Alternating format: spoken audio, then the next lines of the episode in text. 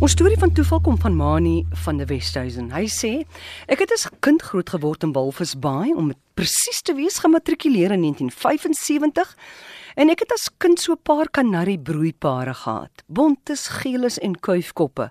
Ja, hulle kon so mooi sing. Ek het op 'n stadium te hore gekom van 'n pink kanarie. Och, en ek wou so graag een hê. Dit was my nie beskore nie want pinkes was te skaars en ek sou ook nie die geld gehad het om een te koop nie. Baie jare later, so hier teen 2007, woon ek in Durban, maar ek werk in Afghanistan. Tydens een van my vakansies loop ek by 'n tro troeteldierwinkel in. Daar in 'n koutjie is 'n pink kanarie. Natuurlik wou ek dit koop, maar ek redeneer toe dit sou geen nut inhou nie, want nou koop ek die voël en my vrou en my kinders is opgeskeep met die versorging daarvan terwyl ek weg is. Op hierdie stadium het ons alreeds 'n kat en 'n klomp honde in die huis gehad en ek laat dit toe maar daar. Man, maar die verlange is toe nou maar daar vir 'n pink kanarie, nê, van kinds af.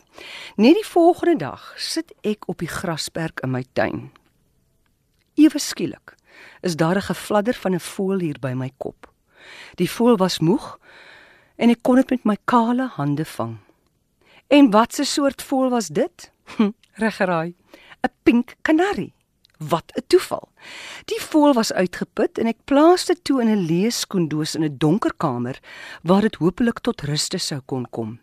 Die kanarie het van die skok en dors herstel en is weg en ek is toe weg om 'n koutjie te gaan koop. Daar het ek toe nou nou ba, na al hierdie jare het ek toe nou my pink kanarie. Dis my storie van toeval maar dit eindig nie hier nie.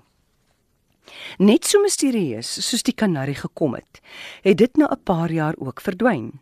Die kinders het die koutjie elke aand ingebring en dit in die muur in die sitkamer laat staan. Een oggend was die kanarie nie meer daar nie.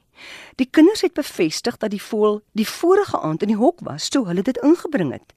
En ek het geen rede gehad om hulle nie te glo nie. My kinders vertel gewoonlik en selfs ten koste van hulself die waarheid.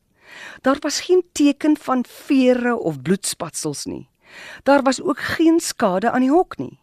Nêrens 'n gebuigde sportjie of iets buitengewoon nie. Ek meen, dit was net vir ons almal 'n groot raaisel en ek begin toe te dink, jy weet daar was 'n spasie onder die voordeur van ons huis en die enigste gevolgtrekking wat ek kon maak is dat 'n geelslang ingeseil het, die valdeurtjie van die hokkie op die deurtjies by die kosbakkie kon oplig. Ja, dit klink vergesog, maar dit is die enigste opsie. Hy moes die voël wat geslaap het heel ingesluk het en dieselfde roete uitgevolg het. Maar hoe anders? Hoe anders?